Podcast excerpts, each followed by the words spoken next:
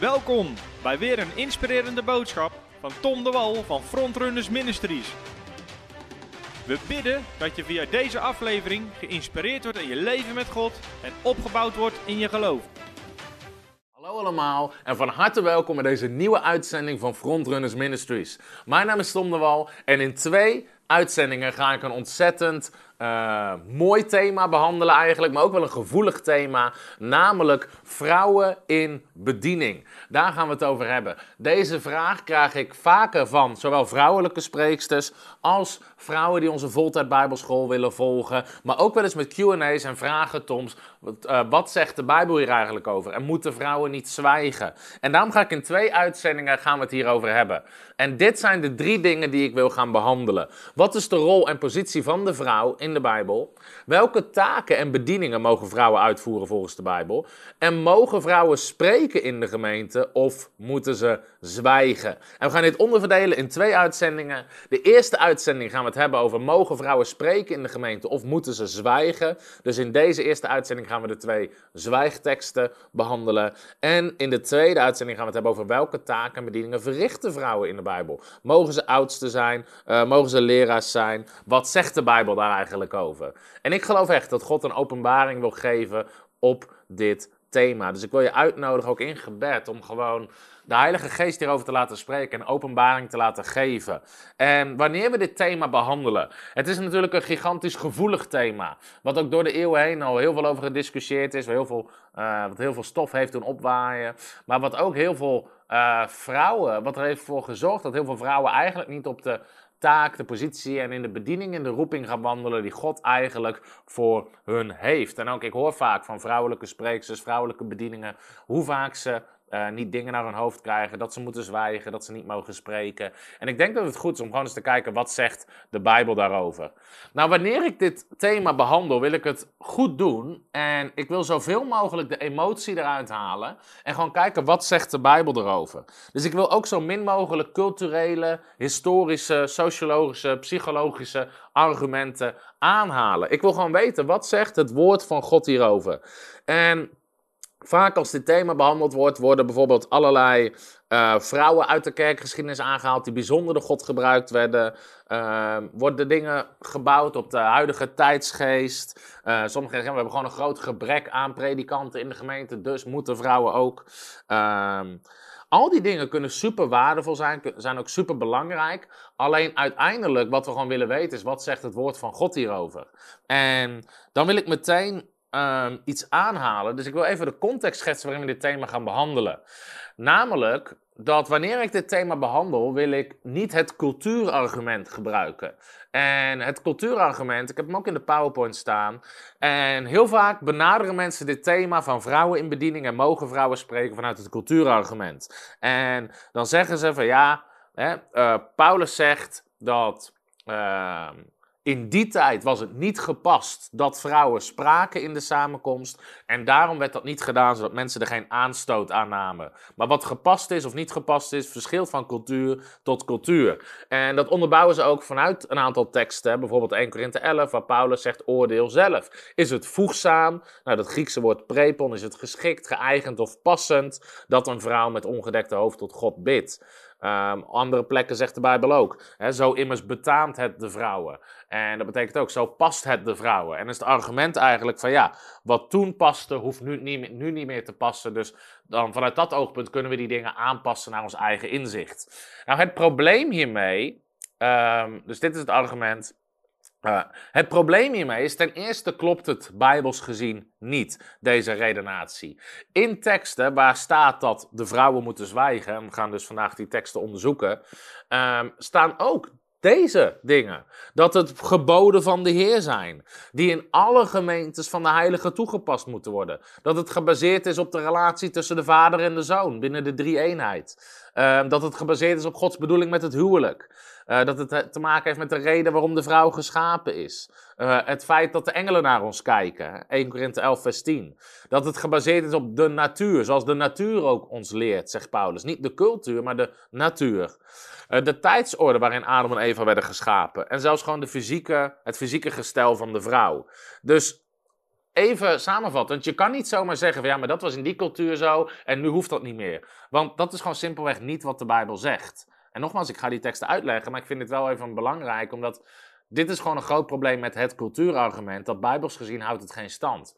Het tweede probleem met het cultuurargument is het volgende, dat als we de Bijbel zien als de reactie op de toenmalige cultuur, dan zie je het niet meer als het woord van God, maar dan zie je het eigenlijk gewoon over uh, op, als menselijke wijsheid. En er zijn ook dingen in onze cultuur die gewoon haak staan op wat de Bijbel ons leert. En dan kunnen we niet zomaar zeggen van, nou ja, goed, weet je, toen, toen had de Bijbel het over het huwelijk tussen een man en een vrouw. Maar ja, nu in onze cultuur is dat anders, dus nu hoeven we dat niet meer. Je snapt, zodra je het cultuurargument gaat aanhalen, bevind je op een glijbaan die naar beneden gaat. En Um, het is simpel niet weer, simpelweg niet wat de Bijbel leert. De Bijbel leert ons om niet gelijkvormig te worden aan deze wereld. Dus het is niet zo dat um, Gods woord bepaald wordt door de cultuur. Het hoort andersom te zijn. Gods woord kan de cultuur veranderen. Dus de Bijbel is aan geen één cultuur onderworpen. En dat is belangrijk om te beseffen. En ik ben nog even de context aan het schetsen. Het laatste, een andere insteek die mensen hebben gezegd, ja, moeten vrouwen zwijgen? Nee, want Galaten hoofdstuk 3 zegt, man en vrouw zijn één in Christus. Dus er is geen onderscheid tussen man en vrouw in Christus. Nou, ik snap wat die mensen zeggen. Alleen het probleem met het Galaten 3 argument is dat dat gaat niet over het spreken. Dat gaat niet over bediening. Dat gaat erover over redding, over niet meer onder de wet zijn, over de doop. En dan zegt Paulus, daarbij is het niet van belang of men Jood is of Griek, of men slaaf is of vrij, of men man of vrouw is, want we zijn allemaal één in Christus. Maar dat gaat dus niet over, uh, over spreken in de gemeente. Dus dat is even de context die ik wil schetsen. Wat wel belangrijk is om te weten wanneer we dit onderwerp behandelen, en dit is echt wel, dit is echt wel een serieus ding, is dat er ontzettend veel dingen veranderd zijn uh, in de Bijbelvertalingen. Eigenlijk naar eigen interpretatie. En ik zal je een aantal voorbeelden daarvan geven. En ik geloof dat het belangrijk is om dit soort dingen te beseffen, ook wanneer we het woord van God lezen. En ik pak even de voorbeelden uit de Engelse Bijbel. Ook heel veel dingen zijn er gewoon in onze Nederlandse statenvertaling, herziene statenvertaling overgenomen. Maar hier zijn even de cijfers wat, uh, wat, uh, wat makkelijker van. In de King James Bijbel is in 930 gevallen wordt niet een vrouw genoemd, terwijl dat in de grondtekst ook om vrouwen gaat. denk bijvoorbeeld aan het uh, Griekse woord uh, wat ik hier ook in de PowerPoint heb staan, uh, anthropos, wat betekent mens of menselijk wezen.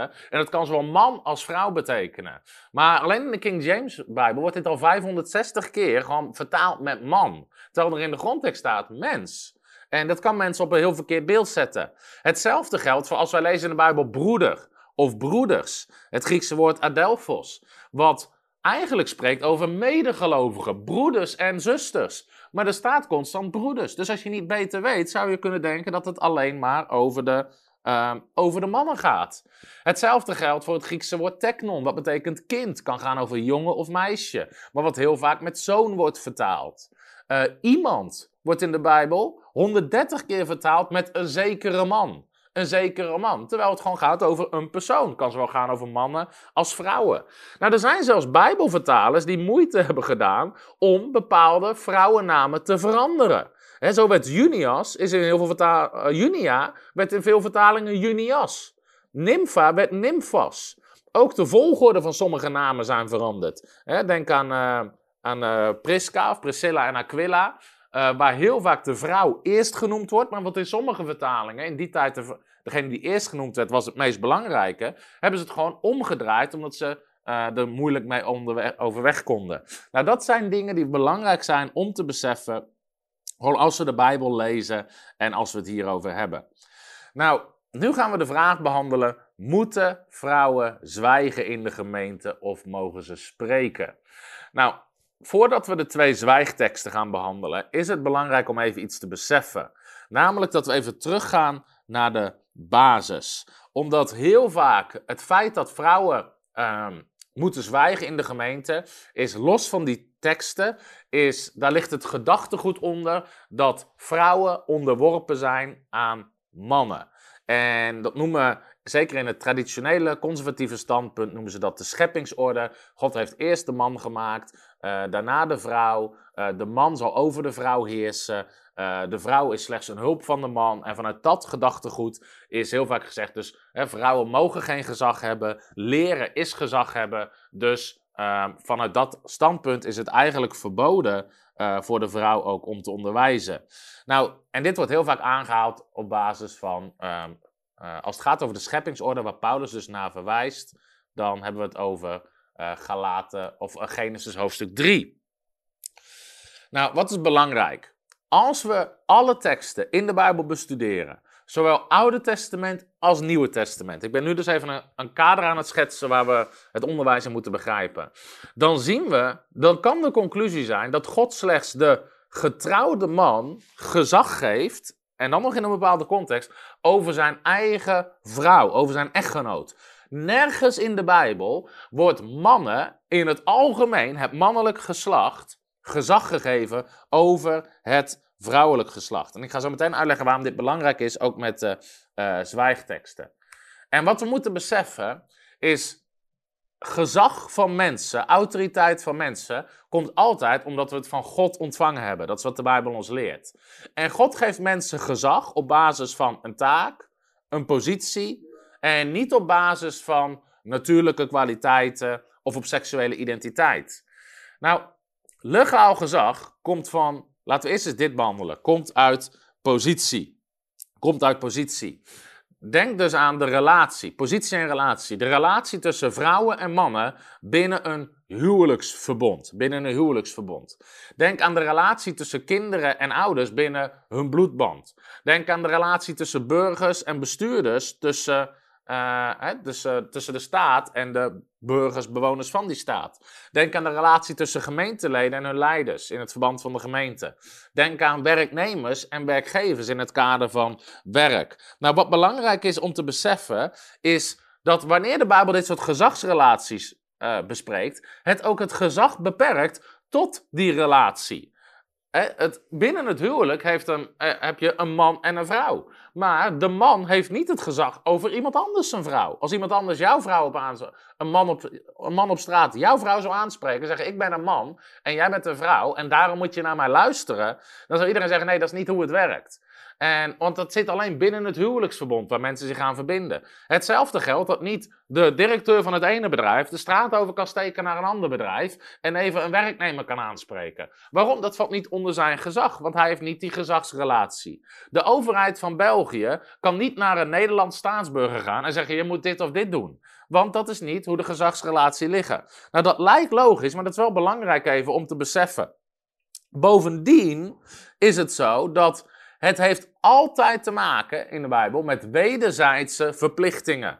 Gemeenteleden moeten zich onderwerpen aan de oudste, zegt de Bijbel. Maar de oudsten mogen geen heerschappij voeren over de kudde, maar die moeten voorbeelden zijn. Vrouwen moeten hun man eren en zich onderwerpen maar daar staat tegenover dat mannen hun vrouw moeten liefhebben en zichzelf voor moeten overgeven. Je kan nooit het ene vragen en het andere niet doen. Dat is nooit hoe het in het woord van God staat. Hetzelfde geldt over werknemers of werkgevers die gezag hebben over hun werknemers, maar ze moeten hun eerlijk, eerlijk en rechtvaardig behandelen. Kinderen moeten aan hun ouders gehoorzaam zijn, maar ouders mogen geen toorn opwekken bij hun kinderen. Burgers moeten hun overheid gehoorzamen, maar de overheid draagt slechts het, kwaad het zwaard voor hen die kwaad doen, niet voor hen die goed doen. Dus altijd is daar, er is niet alleen positie en relatie, er is ook wederzijdse uh, verplichting of er is wederkerigheid, om het zo maar te zeggen. En dat is dus belangrijk om, te, uh, om neer te zetten. Verder Um, als we behandelen de vraag, geeft de scheppingsorde, dus zoals God het bedoeld heeft, geeft de scheppingsorde het mannelijk geslacht gezag over het vrouwelijke geslacht? Sommige mensen zeggen ja, want de man is eerst gemaakt, daarna Eva. De vrouw werd verleid en niet de man. En God heeft gezegd dat de man over de vrouw zal heersen. Nou, is dat inderdaad wat de Bijbel onderwijst? Dus het Nieuwe Testament verwijst je in een aantal teksten naar de scheppingsorde of naar Adam en Eva. Maar wat is belangrijk om te beseffen? De scheppingsorde staat niet in Genesis hoofdstuk 3. De Genesis hoofdstuk 3, waar, dus, waar heel vaak mensen een argument op baseren, gaat over de zondeval en de vloek. Dat gaat niet over de schepping. Als je kijkt naar de scheppingsorde, zoals God de schepping heeft gemaakt, dan lezen we in Genesis 1, vers 26. Laten wij mensen maken naar ons beeld en ons gelijkenis en laten zij heersen. Mannelijk en vrouwelijk schiep hij hen. God schiep man en vrouw allebei in zijn gelijkenis en gaf hun beide heerschappij. En uh, dat is dus belangrijk om te beseffen. Dus um, nu gaan we even door naar Genesis hoofdstuk um, ehm, 2. Dus je hebt eerst Genesis hoofdstuk 1, waar God man en vrouw gemaakt. Dus geeft ze allebei heerschappij. Dan gaan we even naar Genesis hoofdstuk 2. Daar staat, de Heere God nam de mens, Adam, en zette hem in de hof van Eden om die te bewerken en te onderhouden. En de Heere gebood de mens, Adam, van alle bomen van de hof mag u vrij eten. Ook zei de Heere God, het is niet goed dat de mens alleen is. Ik zal een hulp voor hem maken als iemand tegenover hem. En de Heere God nou, pakte de rib uit Adam, maakte uh, de vrouw. En dan staat er in vers 24, daarom zal een man zijn vader en zijn moeder verlaten, aan zijn vrouw hechten en zij zullen tot één uh, vlees zijn. Wat is belangrijk om te zien in Genesis hoofdstuk 2? God zegt: Het is niet goed dat de mens, dat de man alleen is. Ik zal hem maken tot een hulp. Nou, dit hulp wijst in het Oude Testament nooit op ondergeschiktheid. God wordt zelf vaak een hulp genoemd, een krachtbron genoemd voor de mens. En de vrouw is een helper en die aan de man gelijk is, die hem overeenkomt. Vandaar andere vertalingen zeggen, ik zal iemand maken die bij hem past, die naast hem komt staan. Een andere vertaling zegt, ik zal een kracht maken die hem gelijk is. Dus ook vers 24, gaan we even terug, denk niet, ik heb hier zo'n laserpointertje, denk niet van, nou, de vrouw is ondergeschikt aan de man, dus de vrouw moet haar vader en moeder verlaten en naar de man gaan. Nee, de Bijbel zegt, de man zal zijn vader en moeder verlaten en naar de vrouw gaan. En ze zullen tot één vlees worden. Dus dit zijn belangrijke dingen. Hier zien we constant de gelijkwaardigheid van man en vrouw um, in, uh, in het woord van God, in de scheppingsorde. Nou, zelfs als je kijkt naar Genesis hoofdstuk 3, wat gaat over de vloek. Daar staat, de vrouw zag dat die boom goed was om ervan te eten en dat hij lust was voor het oog. Ja, een boom die begerenswaardig was om er verstandig van te worden. En zij nam van zijn vrucht en zij at. En zij gaf ook wat aan haar man die bij haar was. Let op, aan haar man. En hij at ervan. En tegen de vrouw zei hij, ik zal moeite... Uh, ik zal uw moeite in de zwangerschap zeer groot maken, met pijn zult u kinderen baren. Naar uw man zal uw begeerte uitgaan, maar hij zal over u heersen. Nou, wat is belangrijk? Er staat in Genesis 3, vers 6, dus, en de vrouw gaf ook aan haar man. Het spreekt altijd over het huwelijksverbond. God zei tegen de man, omdat je naar uw vrouw hebt geluisterd en uw man zal over u heersen. God zei niet, de man gaat over je heersen, uw man. Dus dit zijn belangrijke dingen, want wat zeggen mensen van het traditionele standpunt? Nee, de man heerst over de vrouw. Maar dat zegt de Bijbel niet. God zei tegen Adam over zijn eigen vrouw, niet over vrouw in het algemeen. Nou, wanneer Jezus terugverwijst naar dit soort teksten, ook naar de scheppingsorde, doet hij dat om te onderwijzen over het huwelijk. Over het huwelijk, nooit over de man en vrouw los van elkaar. Toen Paulus dat deed, leerde hij over de gemeente, eh, de bruid en Christus, de bruidegom. En hij heeft dit ook over een huwelijksrelatie. Dus het gaat nooit over man en vrouw als los geslacht, maar het gaat altijd over verbonden zijn in een huwelijk. Dus dat is belangrijk als het gaat over de scheppingsorde. Zowel Jezus als Paulus als de teksten zelf spreken over een huwelijksverbond. En in die context worden dingen gezegd. Ik ga je zo meteen laten zien waarom dat belangrijk is. Wat is nog meer belangrijk? Als, het, als de Bijbel spreekt, als het Nieuwe Testament spreekt acht, negen keer over uh, onderwerpen en onderdanigheid in, uh, als het gaat over de vrouw. Maar altijd, wanneer we deze teksten uh, lezen, gaat het over het huwelijksverbond aan haar eigen man. En ik heb net al gezegd, is wederzijdse verplichtingen. Uh, maar het gaat nooit over mannen in het algemeen. Laten we die tekst eens lezen. Efeze 5, vers 23 zegt: Wees aan uw eigen man onderdanig. Niet aan de man, aan uw eigen man. Efeze 5, vers 24. Zo moet de vrouw aan haar eigen man onderdanig zijn. Nogmaals, ik heb net al gezegd over die wederkerigheid, maar daar wil ik nu niet diep op ingaan. Colossense 3, vrouwen wees uw eigen man onderdanig. Ook de zwijgtekst in 1 Korinthe 14 gaat niet over de vrouw, gaan we zo meteen zien, gaat over de gehuwde vrouw. Want als zij iets willen weten, moeten ze thuis aan haar man om opheldering vragen. Dus dit gaat, als het gaat hier zie je ook weer hè, onderdanig zijn, ondergeschikt zijn, maar het gaat over haar eigen man. 1 Timotheus 2 vers 11, een vrouw moet zich laten onderwijzen in stilheid en alle onderdanigheid. Gaat ook alleen over de getrouwde vrouw. Daarom zegt de Engelse vertaling zegt meteen: I do not allow a woman to teach nor to rule a husband. Dus haar man. En vers 15, heb ik hier nu niet bij staan, gaat over dat de vrouwen kinderen moeten baren. Dus dit kan alleen maar gaan over de getrouwde vrouw. Titus 2, vers 5. Vrouwen moeten hun eigen man onderdanig zijn. 1 Petrus 3, wees je eigen man 1 Petrus 3 vers 5, wees je eigen man.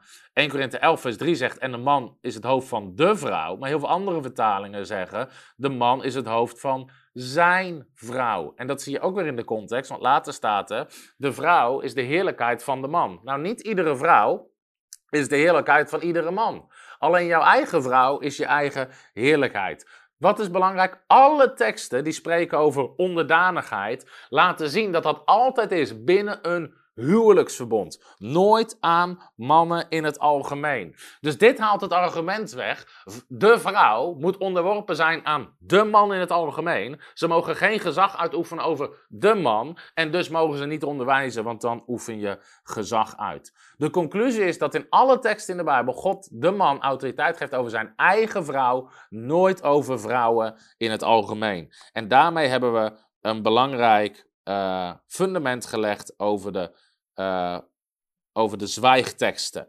Nou, moeten vrouwen zwijgen in de gemeente of niet? Er zijn twee teksten die daarover spreken. En dat is 1 Korinthe hoofdstuk 14 en 1 Timotheus hoofdstuk 2. Nou, we kunnen best wel zeggen, ik heb het hier probleemteksten genoemd. Niet zozeer omdat die teksten zelf een probleem vormen, maar vooral de manier waarop ermee omgegaan is. heeft een heel groot probleem uh, gevormd. En daarom wil ik ook echt bidden dat de Heilige Geest je openbaring geeft als we dit behandelen. Omdat heel veel vrouwen zijn monddood gemaakt met deze teksten. Maar het is belangrijk dat we zien wat er echt staat. En daarom gaan we de teksten lezen. En ik wil beginnen met 1 Korinthe hoofdstuk 14. In 1 Korinthe 14 lezen we het volgende. Hoe is het dan, broeders? Telkens wanneer u samenkomt, heeft iedereen een psalm of een onderwijzing, hij heeft een andere taal of een openbaring, of hij heeft een uitleg. Laat alles gebeuren tot opbouw. Als iemand in een andere taal spreekt, laat het dan door twee of hoogstens drie mensen gedaan worden, ieder op zijn beurt, en laat de een het uitleggen. Maar als er geen uitlegger is, laat hij dan in de gemeente zwijgen. Daar komt voor het eerst zwijgen voor. Maar laat hij tot zichzelf spreken en tot God. Laat de twee of drie profeten spreken en laat de ander het beoordelen. En als een, uh, aan een ander die daar zit, iets geopenbaard wordt, laat dan de eerste zwijgen. Want u kunt alle de een na de ander profiteren, opdat alle leren en alle bemoedigd worden. En de geest van de profeten is aan de profeten zelf onderworpen. Hier zie je dat weer, dat onderdanigheid. Want God is geen God van wanorde, maar van vrede, zoals in alle gemeenten van de heiligen.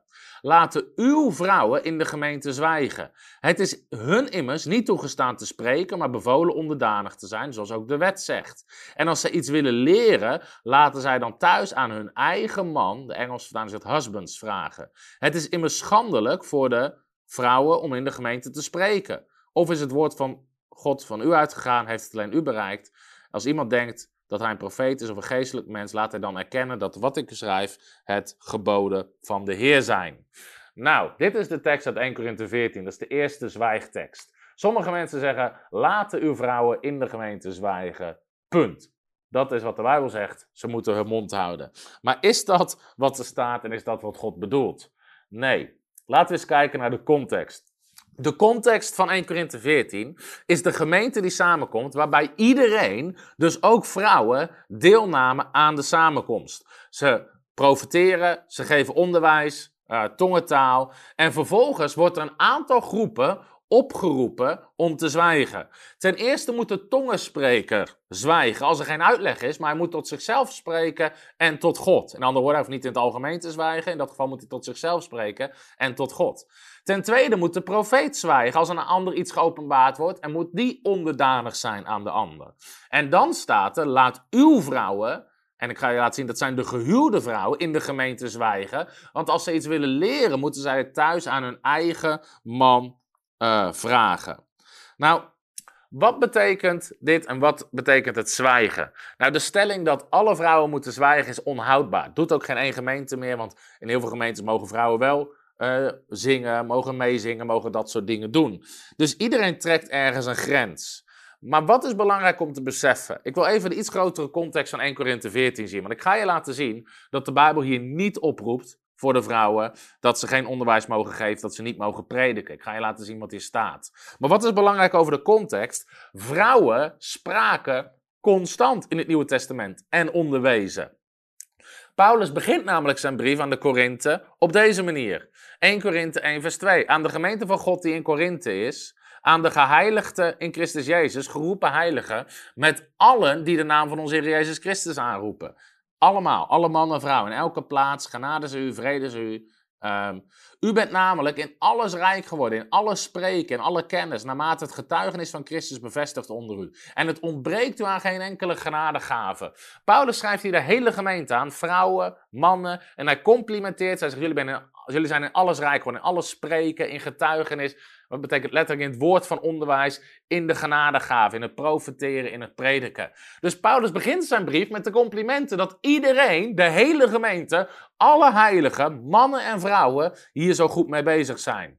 In 1 Korinthe 11 zegt Paulus, iedere vrouw die bidt of profeteert. Dus Paulus gaat er helemaal niet vanuit dat de vrouwen zwijgen. Hij geeft richtlijnen aan de vrouwen die in de samenkomsten bidden en profeteren. Het kan niet zijn dat Paulus in 1 Korinthe 14 zegt, vrouwen mogen niks zeggen, terwijl in 1 Korinthe 11 zegt hoe ze moeten bidden en profeteren. Dat kan dus geen stand houden. Denk ook aan 1 Korinthe 12.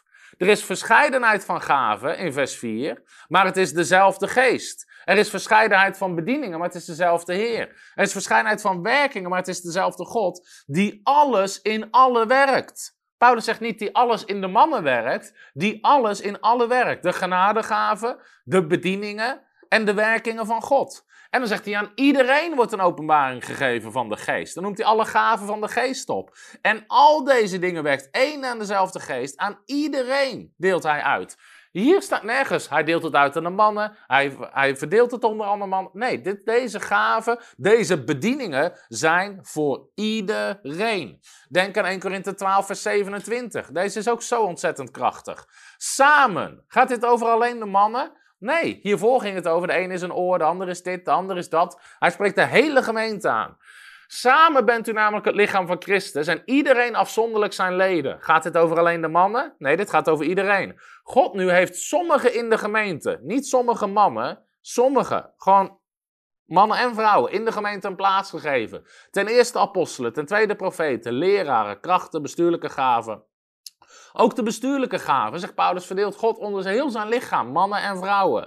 Zijn ze allemaal apostelen? Zijn ze allemaal profeten? Vers 31 streeft dus naar de beste genadegaven. Paulus moedigt de hele gemeente aan, mannen en vrouwen, om het uit te strekken naar de beste genadegaven. Apostelen, profeten, bestuurlijke gaven. Je kan niet zeggen dat dit alleen voor de mannen is. Daarnaast, mensen die het woord van God zo letterlijk claimen te nemen. De Bijbel zegt ze moeten zwijgen, dus ze moeten zwijgen. Waar zijn in die gemeentes de apostelen, de profeten, de krachtbedieningen, de genezingsgaven, de tongentalen, de, de, de vertalingen van tongentaal? Die zijn er vaak niet. Dus waar mensen twee hoofdstukken later claimen ontzettend letterlijk zich te houden aan het woord van God, negeren ze alle andere teksten daarvoor. We gaan verder. Dit is alleen nog maar de Korinthebrief. Streef dus naar de geestelijke gaven en dat u daar nog mag profiteren, schrijft Paulus naar iedereen. Ik zou wel willen dat u allemaal in andere talen spreekt, maar vooral dat u allemaal profiteert. En wie, aan wie in tongentaal spreekt, moet het ook uitleggen. Die moet dus het onderwijs erbij geven. Laat hij, in de grondtekst staat er hij, zij, die in een andere taal spreekt, bidden dat hij of zij het mag uitleggen. Dus zowel de mannen als de vrouwen moesten het uitleggen. En dan zegt hij in vers 31, u kunt allen de een na de ander profiteren, opdat allen leren. Het kan toch niet zo zijn dat Paulus vier versen later zegt: vrouwen, behalve vrouwen, die moeten hun mond houden. Dat Paulus eerst zegt: iedereen mag profiteren, iedereen moet het uitleggen. Hij heeft in heel de brief gezegd: iedereen moet streven naar de gave. Jullie doen het zo goed. En dan zegt hij aan het eind van zijn brief: behalve de vrouwen, die moeten vanaf nu zwijgen. Is dat wat Paulus zegt? Nee, natuurlijk niet. Sterker nog, waar zet die tekst ons al op het verkeerde been? De, hè? Dit is de tekst vlak voor de zwijgtekst. Hoe is het dan broeders? Maar in het Grieks staat daar dat woord uh, adelphoi, wat betekent broeders en zusters. Dus wat Paulus, medegelovigen, dat is wat Paulus zegt. Dus eigenlijk zou het zo vertaald moeten worden. Hoe is het dan, broeders en zusters? Telkens wanneer u samenkomt, heeft iedere broeder of zuster een psalm, een leer, een openbaring, een taal, een uitlegging. Laat iemand die in een andere taal spreekt, dat op twee en drie, laat het op zijn of haar beurt uitleggen. Als er geen uitlegger is, laat hij of zij zwijgen. Dus Paulus spreekt alle broeders en zusters aan. Dus dit is zo'n voorbeeld waar het woord broeders je op het verkeerde been zet, terwijl dat niet is wat Paulus zegt. Dus de oproep dat vrouwen moeten zwijgen kan niet waar zijn. Anders zou Paulus en Gods woord zichzelf volledig tegenspreken. Denk ook aan wat Petrus zegt. 1 Petrus 4, vers 8. Maar heb voor alles een vurige liefde voor elkaar. Moeten alleen de vrouwen dit hebben? Nee, dit moet iedereen hebben. Want de liefde zal een menigte van zonden bedekken. Wees gastvrij voor elkaar, zonder morren. Moeten alleen de mannen gastvrij zijn? Nee, iedereen.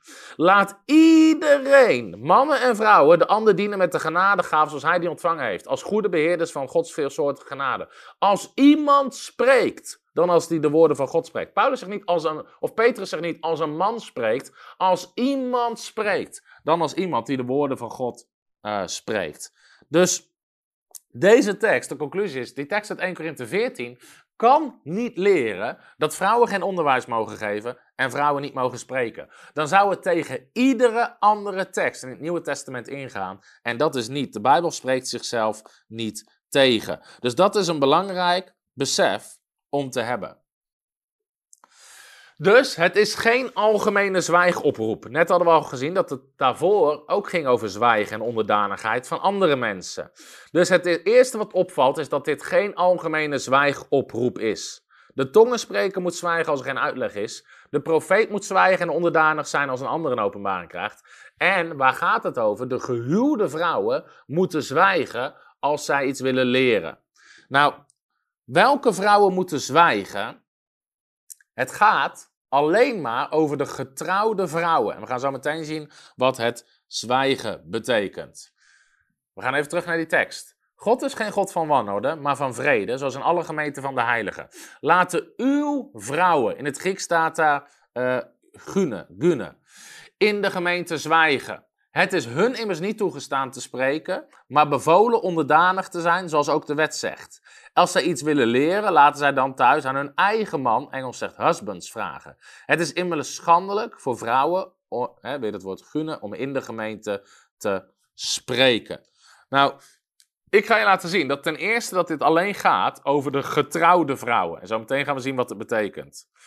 Als we het woord vrouw lezen, uh, hè, dat woord uh, gunnen of het woord van man, ane, moeten we kijken, betekent dit vrouw of betekent het in de context gehuwde vrouw? Heb je het Nederlands ook. Femke is een vrouw, maar Femke is ook mijn vrouw. Het is allebei het woord vrouw, alleen de context bepaalt. Heb ik het over Femke als mijn vrouw, als getrouwde vrouw, of heb ik het over Femke als vrouw in de zin van vrouwelijk geslacht?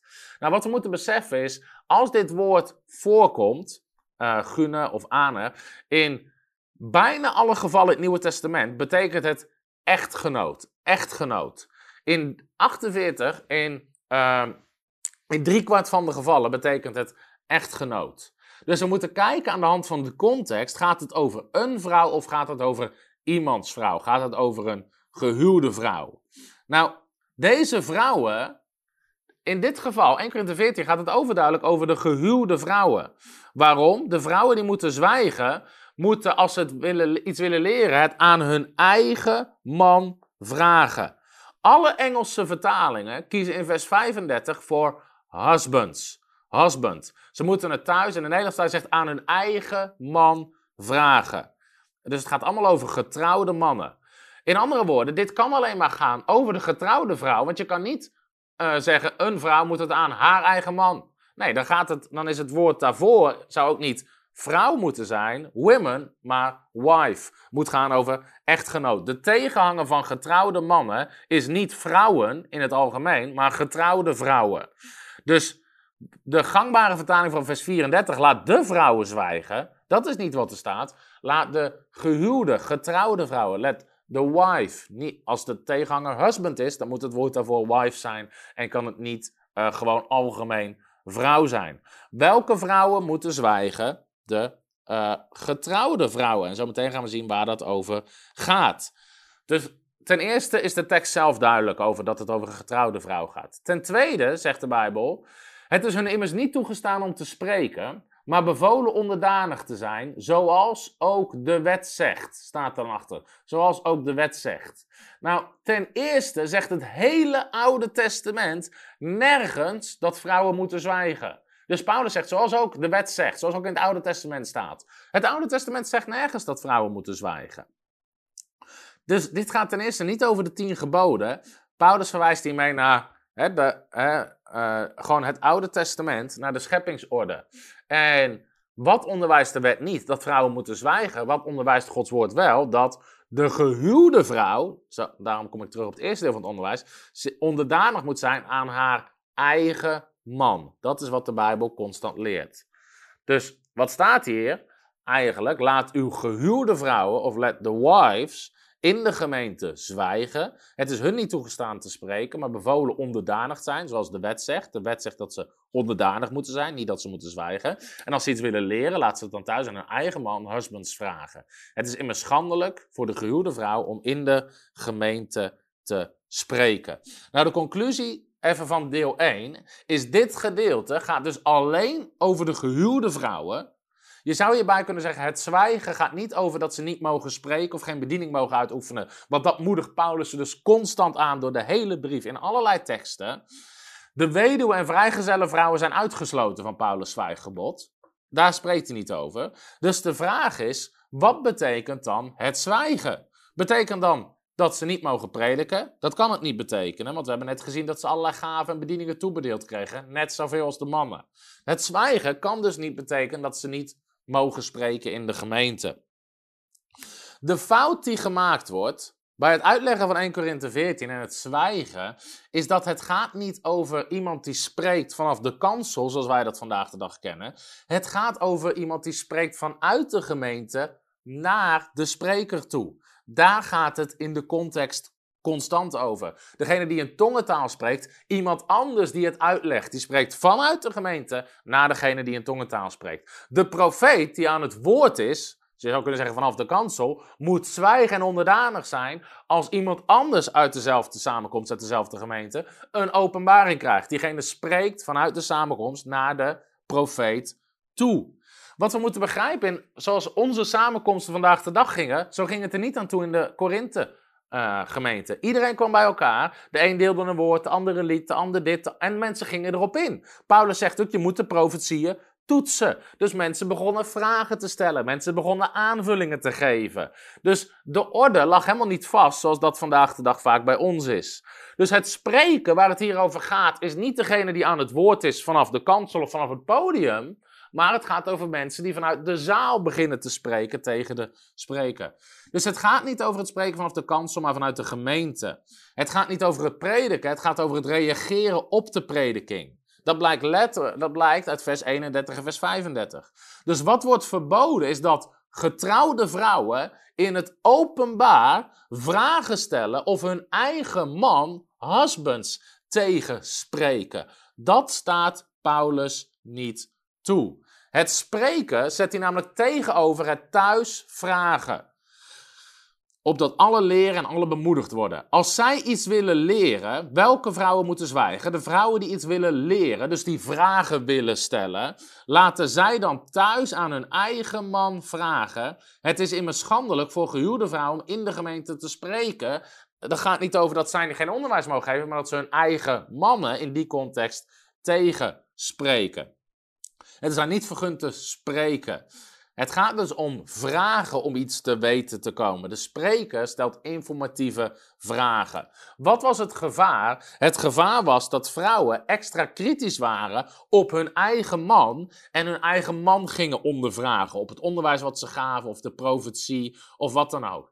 En dat zou een schande zijn omdat ze dan tegen het gezag van hun eigen man ingingen. Want het leek alsof ze hun man niet respecteerden en niet onderdanig waren. Want hun man leerde iets En die eigen vrouw ging er tegenin. En hoe zit dit dan? En hoe denk je wel niet dat je dit thuis gaat toepassen? En Paulus zegt, dat is niet de bedoeling. Dat is niet de bedoeling. Als de vrouwen, de getrouwde vrouwen iets moeten willen leren, moeten ze thuis vragen. Laat ze in de gemeente zwijgen. En thuis aan hun eigen man vragen om ervan te leren. Dat is wat Paulus Als ze iets willen leren, laat ze dan thuis aan eigen man, husbands vragen. Het is immers schandelijk voor de gehuwde vrouwen om in te spreken.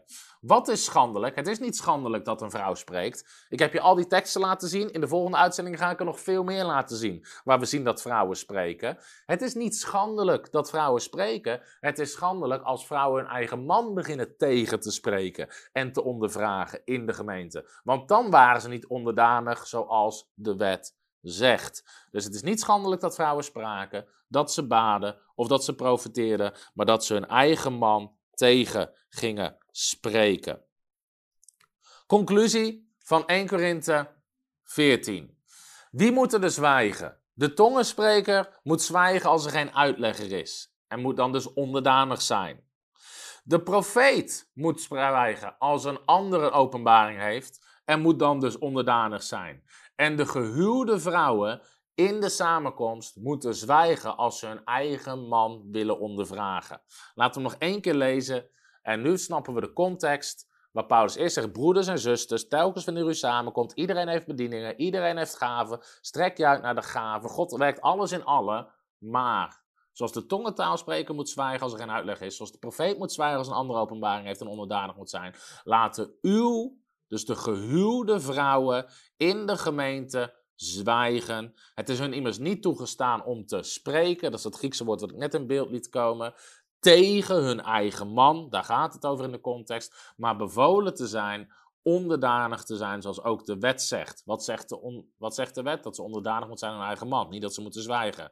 Als zij iets willen leren, laat ze dan thuis aan hun eigen man vragen. Het is immers schandelijk voor de gehuwde vrouw om in de gemeente te spreken tegen hun eigen man naar aanleiding van het onderwijs en de profetie. Dat is constant de context waar Paulus het over heeft. Een spreker die vanuit de gemeente begint te spreken als iemand anders aan het woord is. En daarover geeft Paulus orde. De tongenspreker, de profeet en de gehuwde vrouw, de getrouwde vrouw naar haar eigen man. Dus, Paulus onderwijst niet in 1 Korinthe 14 dat vrouwen niet mogen spreken. Hij onderwijst dat iedereen bediening heeft, dat iedereen kan spreken, inclusief de vrouwen. Maar in bepaalde omstandigheden moeten vrouwen, net zoals de tongentaalsprekers, de getrouwde vrouwen en de profeten, onderdanig zijn en niet tegenspreken.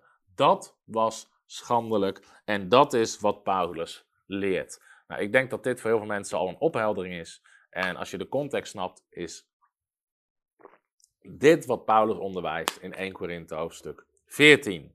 Dan komen we bij de tweede zwijgtekst. Die staat in 1 Timotheus hoofdstuk 2. Nou, dit is ook een hele interessante. Laten we hem eens lezen.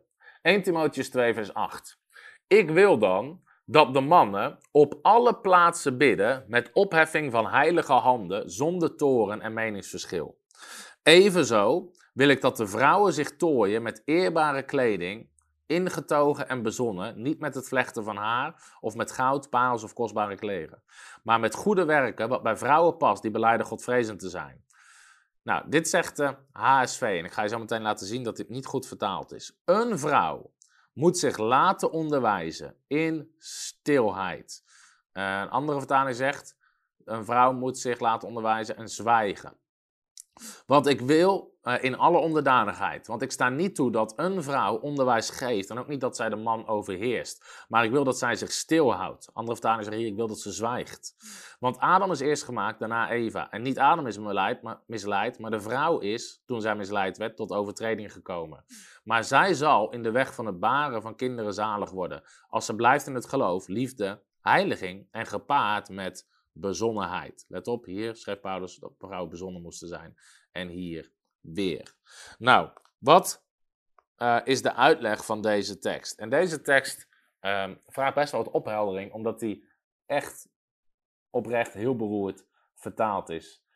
Ten eerste, zelfs als hier zou staan dat vrouwen moeten zwijgen, zouden we hier geen doctrine op kunnen bouwen. Want het zou de enige tekst zijn. En de Bijbel zegt, we hebben twee of drie getuigen nodig, zeker om een doctrine te bouwen. En het kan niet tegen al die andere teksten ingaan, die vrouwen juist oproepen om te onderwijzen. Ten tweede is het frappant dat kerkstromingen die zich druk maken dat vrouwen moeten zwijgen, zelf vaak niet gehoorzamen aan vers 8. Dat alle mannen op alle plaatsen bidden met opheffing van heilige handen zonder toren en meningsverschil. Dus je ziet, mensen zijn al heel erg geneigd om dingen eruit te pikken die hun uitkomt. Nou, ik ga het weer behandelen op dezelfde manier. Alleen dit keer gaan we drie vragen beantwoorden. Ten eerste, over welke vrouwen gaat het hier? Een vrouw, staat weer dat Griekse woord, gunne, moet zich laten onderwijzen in stilheid en alle onderdanigheid. Want ik sta niet toe dat de vrouw onderwijs geeft, omdat dat ze de man overheerst, maar ik wil dat ze zich stilhoudt. De vraag is weer, gaat het hier over vrouwen in het algemeen, of moet hier eigenlijk staan a wife, een getrouwde vrouw, een echtgenote? Nou, ook hier is de conclusie, het gaat hier alleen over de getrouwde, de gehuwde vrouwen. En ik ga je uitleggen waarom. Ten eerste hebben we gezegd, iedere tekst die spreekt over de onderdanigheid van de vrouw, het gaat altijd over de getrouwde vrouw ten opzichte van hun eigen man. Andere vertalingen zeggen ook niet dat zij haar husband, haar man overheerst. Dus ten eerste moet het in lijn zijn met de rest van de Bijbel. Anders zou deze tekst de enige tekst zijn waar staat dat de vrouw zich moet onderwerpen aan de man. Maar we hebben net gezegd dat het altijd gaat over eigen mannen onderdanig. Dus ook deze tekst, als het gaat over de onderdanigheid van de vrouw, gaat het nooit over in het algemeen, maar over aan hun eigen man. Dus het moet in lijn zijn met de rest van het schrift. De tweede, de context ervoor gaat uitsluitend over getrouwde vrouwen. Wat staat er namelijk? Ik wil dat de mannen maar dit uh, gaat je uitleggen. De mannen op alle plaatsen bidden met opheffing van heilige handen zonder toren en meningsverschil. Evenzo wil ik dat de vrouwen, en eigenlijk staat er dan ook in elke plaats bidden, die zich tooien met eerbare kleding, ingetogen en bezonnen. Niet met het vlechten van het haar, met goud of parels of kostbare kleren, maar met goede werk wat bij vrouwen past. Nou, het bidden zonder toren en meningsverschil gaat over mannen naar hun eigen vrouwen. Dus hetzelfde wat 1 Petrus 3 vers 7 zegt. Even zo mannen, woon met begrip met haar samen, je eigen vrouw. Geef de vrouw als zwakker haar eer. U bent immers mede-erfgename van de genade, opdat uw gebeden niet verhinderd worden. Dus, als de Bijbel zegt over zonde, toren en, en meningsverschil in de context van man en vrouw en gebed, gaat het over getrouwde mannen naar getrouwde vrouwen. Maar dan staat er, wat moeten de vrouwen doen? Ze moeten zich tooien met eerbare kleding en niet met het vlechten van het haar of goud of parels of kostbare kleden. Was het verboden voor vrouwen om mooie kleren te dragen, kostbare kleren, uh, mooi haar, goud? Uh, nee, dat was niet verboden. Alleen voor getrouwde vrouwen. Uitbundige kleding kon betekenen dat een vrouw zich onafhankelijk van haar man wilde opstellen. En een, hoewel misschien een alleenstaande vrouw, een vrouw die nog niet getrouwd is, uh, bedoeld op een bepaalde gepaste manier om de aandacht van mannen te trekken of te laten zien dat ze nog vrijgezel is. Voor getrouwde vrouwen was dat verboden. Dus als je kijkt wat de Bijbel onderwijst, de Bijbel keurt het goed dat een vrouw voor haar huwelijk sieraden draagt, maar keurt datzelfde af voor de getrouwde vrouwen, omdat ze daarmee dus iets wilden uitstralen. Dus de context daarvoor gaat over getrouwde mannen en getrouwde vrouwen. De context hierna kan alleen maar gaan over getrouwde vrouwen. Want wat zegt Paulus tegen deze vrouwen? Die moeten, die zal, zij zal in de weg van het baren van kinderen zalig worden. Dit kan alleen gaan over getrouwde vrouwen. Dit kan je niet zeggen tegen een weduwe, dit kan je niet zeggen tegen een alleenstaande vrouw. Paulus kan dit alleen zeggen tegen een getrouwde vrouw. Daarnaast, als Paulus het spreekt over Aner en Gunner, man en vrouw, in, in dezelfde verse gaat het eigenlijk altijd over het huwelijk. Een getrouwde man en een getrouwde vrouw. Het is niet eens zeker of Paulus ooit dit woord heeft gebruikt voor een alleenstaande vrouw. Uh, of de vrouw in het algemeen, want dan haalt hij hele andere woorden aan. Zoals maagd, ongehuwde, uh, beduwe, dat soort dingen. En daarnaast als vijfde de scheppingsorde waar Paulus naar refereert. Hij verwijst over Adam en Eva. En we hebben al gezien, de scheppingsorde gaat over het huwelijk. Jezus en Paulus, als ze terugverwijzen naar Genesis 1, 2, gaat het altijd over het huwelijk, niet over de vrouw in het algemeen. Goed, ik ga er zo meteen nog iets meer uh, over uitleggen. En ten zesde, Engelse vertalingen kiezen dus weer voor husbands. I do not allow a woman to teach nor to rule a husband. Dus dit gaat over de getrouwde vrouwen. Dus de conclusie is dat Paulus spreekt wederom alleen tot de gehuwde vrouwen, niet over het vrouwelijk geslacht in het algemeen. Nou, laten we dan even in die context lezen, want dat is belangrijk om te beseffen. Wat hier eigenlijk staat, is dus een echtgenote moet zich laten onderwijzen in stilheid, in alle onderdanigheid, aan haar eigen man, nooit aan man in het algemeen. Want ik sta niet toe dat een getrouwde vrouw onderwijs geeft en dat zij niet de man, maar haar man, husband, overheerst. Maar ik wil dat zij zich stilhoudt. Ik wil dat zij zich stilhoudt. Nou, sommige vertalingen, de Wilderness vertaling, vertaalt het ook zo. Dan is de tweede vraag, wat betekent het zwijgen hier? Ik wil dat zij zich stilhoudt. Het Griekse woord hesugia. Nou, ik zei al, deze tekst is helaas echt heel erg slecht vertaald.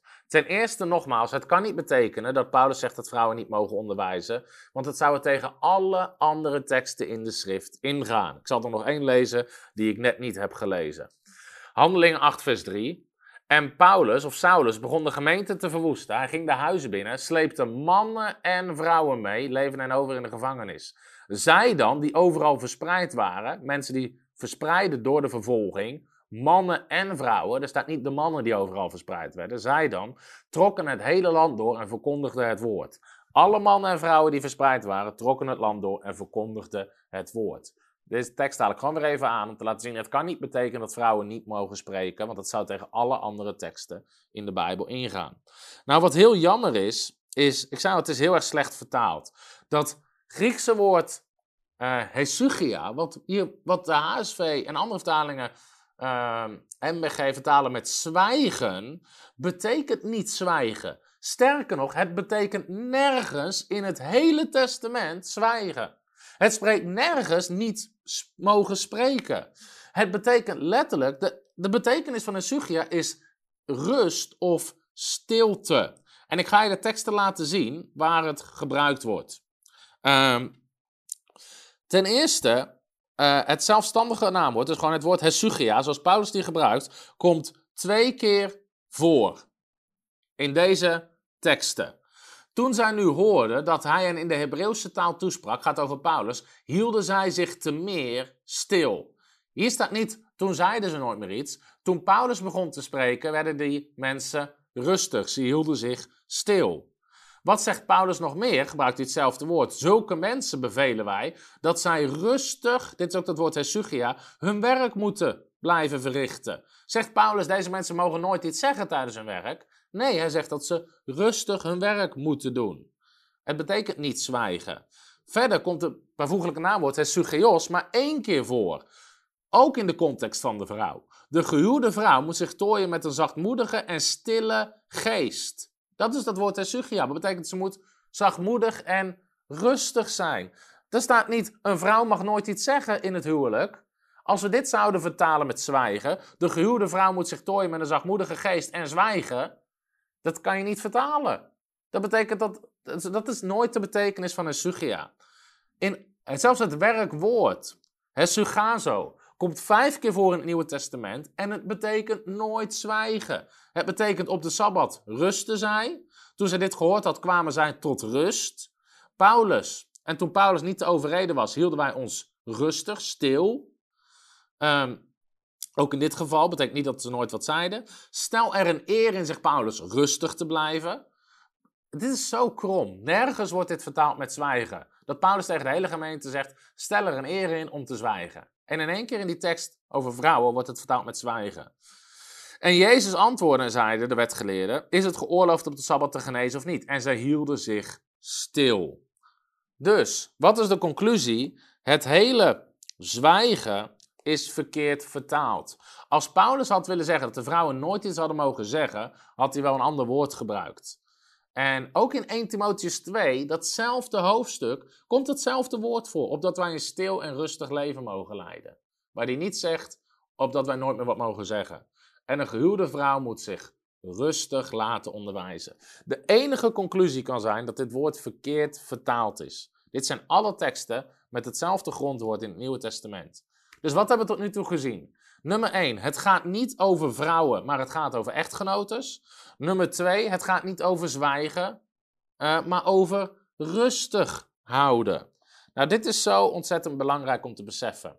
En nu het derde. Er zijn dus drie dingen die gewoon consequent verkeerd vertaald, geïnterpreteerd worden in deze tekst. Het eerste is de vrouwen, wat gaat over de echtgenotes. Het tweede is het zwijgen, wat niet gaat over zwijgen, maar over rustig houden. En het derde is, want ik sta niet toe dat de vrouw de man overheerst, gezag heeft. Zeggen sommige vertalingen. Ik sta niet toe dat de vrouw gezag heeft over de man.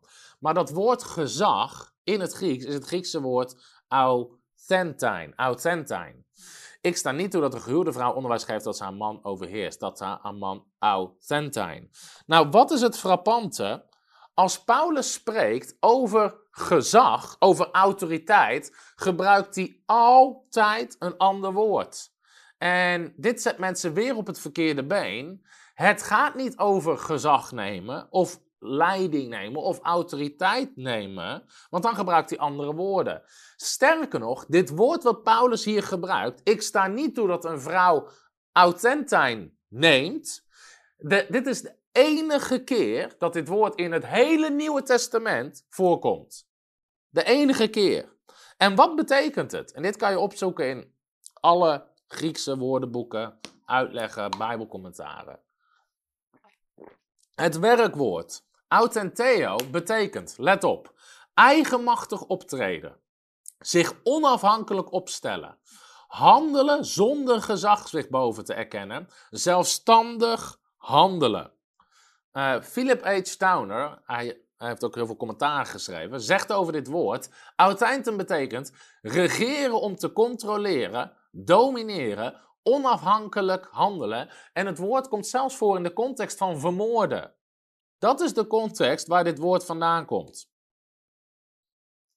Nou, andere vertalingen, andere uh, noemen het zelfs een vulgaire term. Dus een, een seksueel, um, een term die gelinkt wordt aan vulgaire seksuele dingen, seksuele verlokkingen. Met dat woord, net zoals het in verband wordt gebracht met vermoorden, wordt dat woord in verband gebracht met seksueel verlokken. En de term wordt dus nooit gebruikt voor gezagsuitoefeningen. Ook niet door, uh, door Paulus of wat dan ook. Andere vertalingen zeggen dit. But uh, I suffer not a woman, dus a wife, wat eigenlijk staat, to teach, nor to usurp authority over the man. En wat betekent dat? Take a position of power illegally or by force. Illegally or by force. Nou, wat is even. Oh, hier heb ik nog dat stukje over de vulgaire term in verband met seksuele verlokkingen. Nou, wat is dan het laatste wat we moeten beseffen? Uh, dus wat zegt Paulus, even als tussentijdse conclusie, specifiek tegen vrouwen, je moet niet de baas spelen, je moet niet je mannen controleren, domineren en het gaat zelfs over een stuk uh, gewoon misbruik maken van je autoriteit en je een positie aanmeten die je niet hebt. En wat is als laatste belangrijk? En daarom zeg ik, deze tekst is zo verschrikkelijk ongelukkig vertaald, om het zo maar te zeggen. Paulus zegt, ik sta niet toe dat een vrouw autijntijn neemt en man onderwijst. Nou, wat we moeten begrijpen als laatste in het Grieks is dat onderwijzen is direct verbonden aan het leren. Het zit aan elkaar verbonden. Wat de HSV zegt, ik heb hem hier even in de HSV, dat is niet wat er in het Grieks staat. De HSV zegt dit: Ik sta niet toe dat een vrouw onderwijs geeft en ook niet dat zij de man overheerst. Op deze manier lijkt het dat het onderwijs geven, dat Paulus twee dingen verbiedt. Ik verbied ten eerste niet dat de vrouw onderwijs geeft en ten tweede niet dat ze haar man overheerst. Dit en ook niet lijkt erop dat, dat het los is. Maar dat is niet wat er in het Grieks, Grieks staat. In het Grieks staat er het woordje, uh, hier zie je het woordje ode.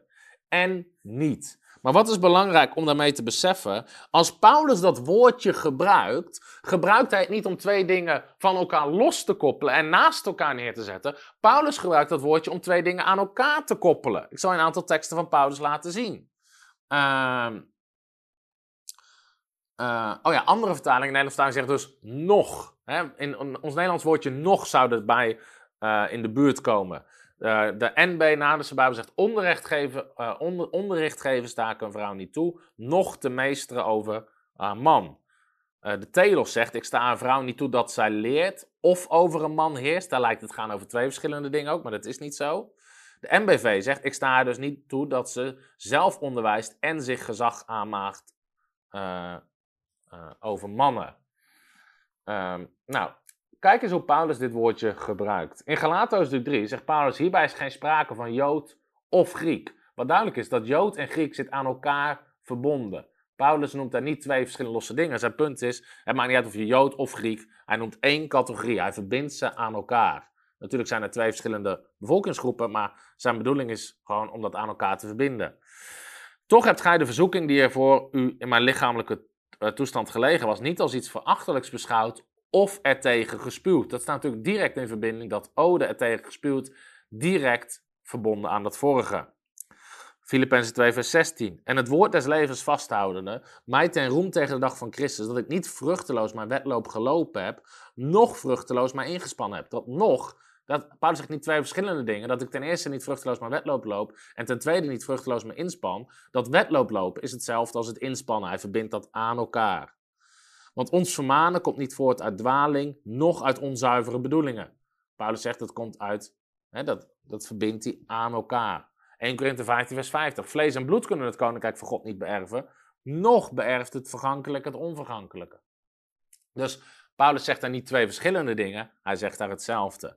Wij behoren niet toe aan de nacht, noch aan de duisternis, wat natuurlijk over hetzelfde gaat.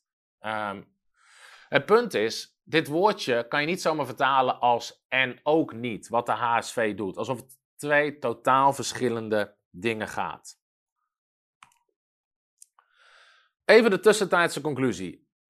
Wat zegt Paulus in 1 Timotheüs 2 vanzelf? Een echtgenote moet zich rustig laten onderwijzen in alle onderdanigheid aan door haar eigen man. Het staat in de context van haar eigen man. Want ik sta niet toe, deze tekst staat ook niet in de context van gemeenteonderwijs zoals 1 Corinthië 14. Ik sta niet toe dat een getrouwde vrouw onderwijs geeft en zodoende haar man domineert. Maar ik wil dat zij zich rustig houdt. Eigenlijk zou je het beste zodoende, dat zou een goede vertaling zijn. Zodoende haar man domineert. Nou even door.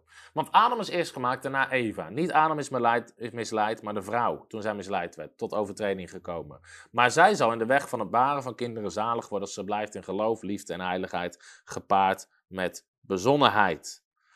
Nou, nu wil ik even kijken naar de context waar Paulus het in zegt. En dan gaan we zien dat we het hele plaatje rondkrijgen. Waarom schrijft Paulus dit naar Timotheus, dit laatste? Want Adam is eerst gemaakt, daarna Eva. Niet Adam is misleid, maar de vrouw, Adams vrouw, toen zij misleid werd, is tot overtreding gekomen. Nou, de eerste reden die uh, Paulus noemt, en ik wil op dit stuk niet al te lang ingaan, is dat Adam is eerst gemaakt, daarna Eva. Adam had als hoofd van het gezin autoriteit, gezag over zijn eigen vrouw. Maar Eva nam dat gezag over. Want, en eigenlijk zou je kunnen zeggen, Adam gaf dat gezag uit handen. Want Adam stond erbij toen de slang haar misleidde. Want de Bijbel zegt meteen, de vrouw gaf aan haar man ook van de vrucht. Dus Eva nam het gezag over. Adam nam geen gezag in dat geval. Dus Paulus zegt, Adam is eerst gemaakt, daarna Eva. En andere woorden, het gezag was aan Adam gegeven als hoofdautoriteit over zijn eigen vrouw. Paulus zegt, als de vrouw zich daarboven verheft en eerst wil komen, gaat het mis. Daarna zegt Paulus, niet Adam werd verleid, maar de vrouw.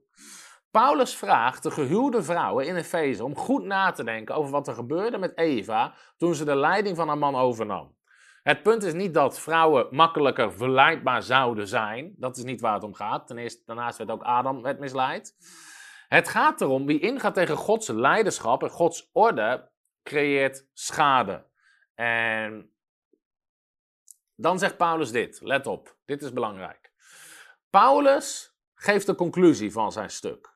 En dan zegt hij iets opmerkelijks. Maar zij zal in de weg van het baren van kinderen zalig worden, als zij blijft in geloof, liefde en heiliging, gepaard met bezonnenheid. Paulus roept de vrouwen op om niet op een misbruikende manier gezag over hun eigen man uit te oefenen, maar in het geloof, liefde en heiliging te blijven, kinderen te baren, op te voeden en bezonnen te zijn. Wat is belangrijk? Paulus maakt zijn cirkeltje, zijn argument rond. Want Paulus zei in vers 9: Ik wil dat de vrouwen zich tooien met uh, eerbare kleding, ingetogen en bezonnen zijn. Paulus roept in vers 9 in de context van kleding en seksuele verleiding vrouwen op om bezonnen te zijn. En in vers 15 breidt hij het rond en heeft hij het weer over dat die vrouwen moeten bezonnen zijn. Het punt is, Paulus probeert hier een heel specifiek punt te maken. En uit andere teksten in Timotheus kunnen we leren dat er een leer rondging in Efeze, waar Timotheus was, over een rare leer over het huwelijk, de vrouw en seksualiteit. En bijvoorbeeld dat uh, het huwelijk, seksuele omgang, voortplanting, dat dat verwerpelijk waren. En Paulus schrijft vijf à zes keer naar Timotheus om hierop te letten. En dat dit rondgaat in die cultuur en dus ook de gemeente beïnvloedt. Kijk wat Paulus schrijft naar Timotheus. Dit zijn allemaal teksten uit dezelfde brief. Um, 1 Timotheus 2 vers 9. Evenzo wil ik dat de vrouwen zich tooien met eerbare kleding, ingetogen en bezonnen zijn. Dus zich uh, seksueel gepast gedragen. 1 Timotheus 2 vers 15. Die vrouw zal, hè, moet leven in bezonnenheid. Die hebben we net aangehaald. Wat ging daar rond? Een leer, zij verbieden te trouwen. Paulus wijst, over, wijst Timotheus op dwaalleraren die verbieden om te trouwen. Paulus wijst Timotheus ook op, verwerp de ongoddelijke, en de HSV zegt oudwijfse fabels. Blijkbaar gingen er onder de vrouwen allerlei dingen rond die ongoddelijk waren. En, Paulus zegt Timotheus, want tot hen toe behoren zij die de huizen binnensluipen en vrouwen in hun macht proberen te krijgen. Nou, dan weten we ook even de context van wat er gaande was in 1 Timotheus, wat, waar Paulus naar schrijft. Wat is de conclusie van 1 Timotheus hoofdstuk 2? We gaan het even stap door stap doorlopen. In Efeze gingen rare leringen rond die vrouwen opriepen om hun huwelijk, seksuele omgang en natuurlijke voortplanting te verwerpen. Paulus gebiedt Timotheus dat de getrouwde vrouwen moeten bidden zonder toren en meningsverschil, of de getrouwde mannen moeten bidden zonder toren en meningsverschil, en de vrouwen moeten duidelijk maken dat zij gehuwde vrouwen zijn en niet andere mannen proberen aan te trekken. Daar schrijft hij vlak daarvoor over. Paulus geeft zijn geboden alleen aan de gehuwde vrouwen. De oudere vrouwen, de weduwe alleenstaande vrouwen blijven buiten Paulus' geboden in dit geval. Paulus gebiedt deze vrouwen om zich rustig te houden. Niet om te zwijgen, om zich rustig te houden. Paulus staat deze vrouwen niet toe om hun mannen te onderwijzen op een manier, zodoende, waarmee ze onafhankelijk van hun eigen mannen handelen, gezag misbruiken door te controleren en te domineren. Het gaat niet om gezag nemen, maar om gezag misbruiken. En in die context zegt hij: kijk wat er gebeurde met Adam en Eva. En het onderwijs is direct verbonden aan het misbruikend domineren. Nou, hoe zouden we dus deze tekst in de context van wat we net hebben gezien qua vertalingen en zo, en daarom zeg ik, hij is echt heel ongelukkig vertaald. Hoe moeten we deze tekst begrijpen? 1 Timotheus 2 vers 8. Paulus zegt eigenlijk dit, en ik heb dus tussen haakjes heb ik dingen erbij gezet. Dus neem, in je neem even in je hoofd wat er allemaal rondging qua leer en dwaalleer over seksuele identiteit, huwelijk, um, ehm, etc. Daar schrijft Paulus naar. Dan zegt hij, ik wil dat de gehuwde mannen, het gaat dus over gehuwde mannen, op alle plaatsen bidden, met opheffing van heilige handen, zonder toren en meningsverschil. Dus naar hun eigen vrouwen gezien. Op dezelfde manier, zegt Paulus, wil ik dat de gehuwde vrouwen zich tooien met eerbare kleding ingetogen en bezonnen zijn. Niet met vlechten van haar, goud, paals of kostbare klederen. Paulus zegt dus, de gehuwde vrouwen moeten laten zien dat ze getrouwd zijn en niet andere mannen seksueel proberen te verlokken of aan te trekken. Maar met goede werken wat bij gehuwde vrouwen past die beleiden godvrezend te zijn. Dan zegt hij dus dit: een gehuwde vrouw, daar gaat het over, moet zich rustig laten moet onderwijzen uh, uh, in alle onderdanigheid aan door haar eigen man. Want ik sta niet toe dat een getrouwde vrouw onderwijs geeft en zodoende de haar man domineert. Daar gaat het over. Maar ik wil dat zij zich rustig houdt. Want Adam is eerst gemaakt, daarna Eva. En niet Adam is misleid, maar de vrouw, toen zij misleid werd, tot overtreding gekomen. In andere woorden, kijk hoe het mis kan gaan als die rollen worden omgedraaid. En als er geen gezag en autoriteit is. Maar zij zal in de weg van het baren van kinderen zalig worden. Dus besef dat is, uh, dat is hoe God vrouwen bedoeld heeft. Die tekst zou natuurlijk nog uh, veel dieper uit kunnen leggen, maar dat is nu niet even het punt van deze studie. Als zij blijft in het geloof, liefde, heiliging en gepaard met bezonnenheid. Dan komt hij weer terug op die bezonnenheid. Dus dat is wat er aan de hand was in 1 Timotheus 2. En dat is waar Paulus naar schrijft. Dus de vraag is: moeten vrouwen zwijgen in de gemeente? Dan is het antwoord zowel 1 Korinthe 14 als 1 Timotheus 2 geven vrouwen geen gebod om te zwijgen of zeggen dat vrouwen niet mogen onderwijzen in de gemeente. 1 Korinthe 14 onderwijst gehuwde vrouwen om hun eigen man in de gemeente niet tegen te spreken, maar hen thuis om opheldering te vragen. Het gaat dus over het spreken vanuit de zaal tegen de sprediker in de hele context. In een samenkomst waar iedereen deel aan had. En 1 Timotheus 2 gebiedt getrouwde vrouwen in de context van alles wat daar gebeurde zich rustig te houden, haar eigen man niet te onderwijzen op een zodanige manier dat ze het gezag claimt, hem domineert, maar als taak als vrouw uitoefenen en niet mee te gaan in de dwaling die rondging in die tijd. Dat is waar Paulus over spreekt. En dan komen we, hè, juist dat handelingen, moet handelingen 2 zijn. Gods plan is juist om zijn geest uit te storten op alle vlees en uw zonen en uw dochters zullen profiteren. Op dienaren en dienaressen zal God zijn geest uitstorten. En we hebben dus gezien dat al die andere teksten die vrouwen juist oproepen om in hun bediening te staan. En ik hoop dat je na deze uitzending de context en de inhoud van de zwijgteksten snapt. En dat je begrijpt dat je die teksten niet kan gebruiken om te zeggen vrouwen mogen niet onderwijzen. Dat is niet wat Paulus leert. En dat is absoluut niet Paulus' bedoeling met die teksten. En dat we ook zien hoe ongelukkig die teksten vertaald zijn. Vaak juist door bepaalde interpretaties uh, van vertalers. Dus mijn gebed echt dat dit onderwijs vrouwen ook vrijzet, juist om in hun roeping te gaan wandelen. Daarom hebben we ook nog een paar video's van andere vrouwelijke bedieningen die de medevrouwen daartoe willen oproepen.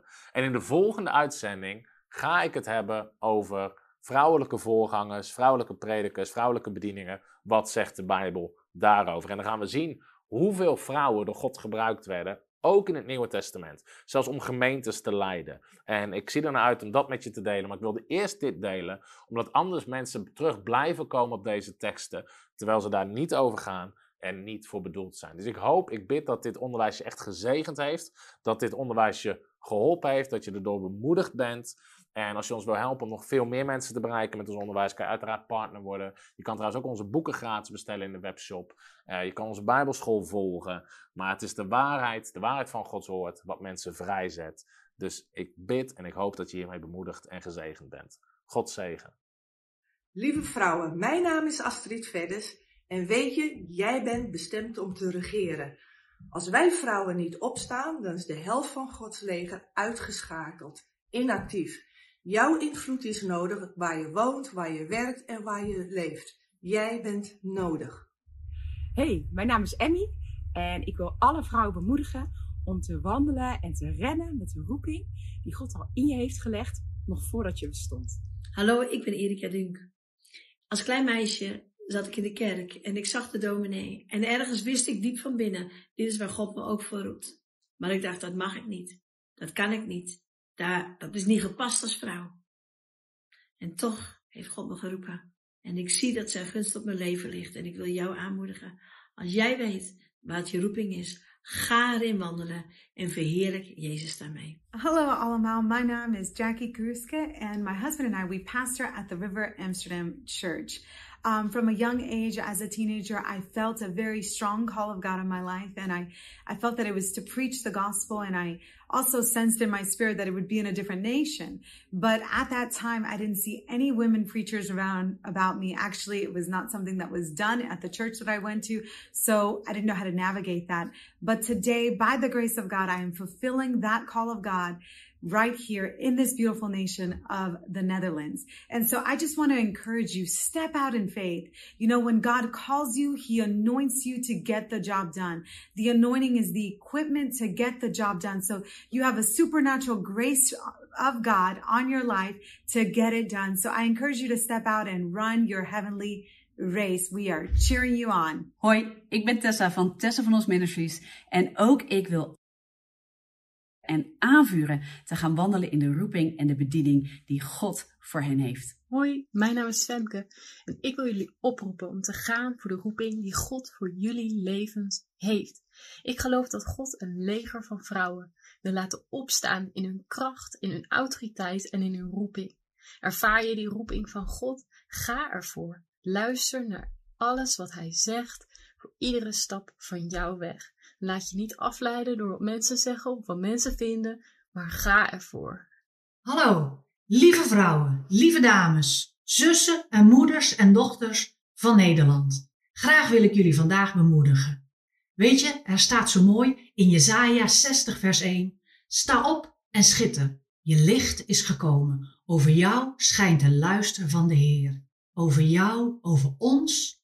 Ons als vrouwen schijnt de luister van de Heer. Hoe mooi is dat? Duisternis bedekt de aarde en donkerde de naties. Zijn luister is boven jou zichtbaar. Volken laten zich leiden door jouw licht. Koningen door de glans van je schijnsel. Wauw, dat zijn nogal woorden, hè? Koningen laten zich leiden. Dat is wel heel erg mooi. En weet je, wij als vrouwen, als dochters, als moeders, als zussen, we hebben zoveel te geven. We hebben ook zoveel te betekenen. We hebben ook zoveel talenten gekregen. Soms denken we, we wachten wel even af tot de kinderen groot zijn, of tot we genoeg geld hebben, of tot we een huis kunnen kopen, of tot mijn studie af is. Weet je, God roept niet tot we volmaakt zijn. Hij maakt ons volmaakt, die hij roept. Dat is wat hij doet. We hoeven niet te wachten tot het hele plan helemaal klaar is. We mogen gewoon iedere dag geven alles wat God ons gegeven heeft. Weet je, schakel je de vrouw uit, dan mis je de helft van Gods leger en creativiteit. Ja toch? En die is voor ons. De helft van Gods leger bestaat uit vrouwen. Vrouwen, we mogen opstaan, opstaan en schitteren. Ik wens je een hele mooie dag. Heel veel groetjes van mij, Karin Koornstra van Royal Mission. Hallo, Tom de Wol hier en bedankt dat je weer geluisterd hebt naar onze podcast. Ik bid dat het je geloof gebouwd heeft en je bemoedigd bent. Als je niet alleen een luisteraar van onze boodschap wil zijn, maar ook een verspreider daarvan, wil ik je uitnodigen om partner te worden van Frontrunners. Door jouw maandelijkse donatie help je ons om dit evangelie van Jezus Christus en het woord van God over heel de aarde te brengen. Om partner te worden, ga naar www.frontrunnersministries.nl slash partners en word partner. Hartelijk bedankt en tot snel. Heb je ook zo genoten van deze inspirerende boodschap van Tom de Wal? Abonneer je dan op deze podcast. Volg ons op Facebook en op Instagram en kijk op onze website frontrunnersministries.nl.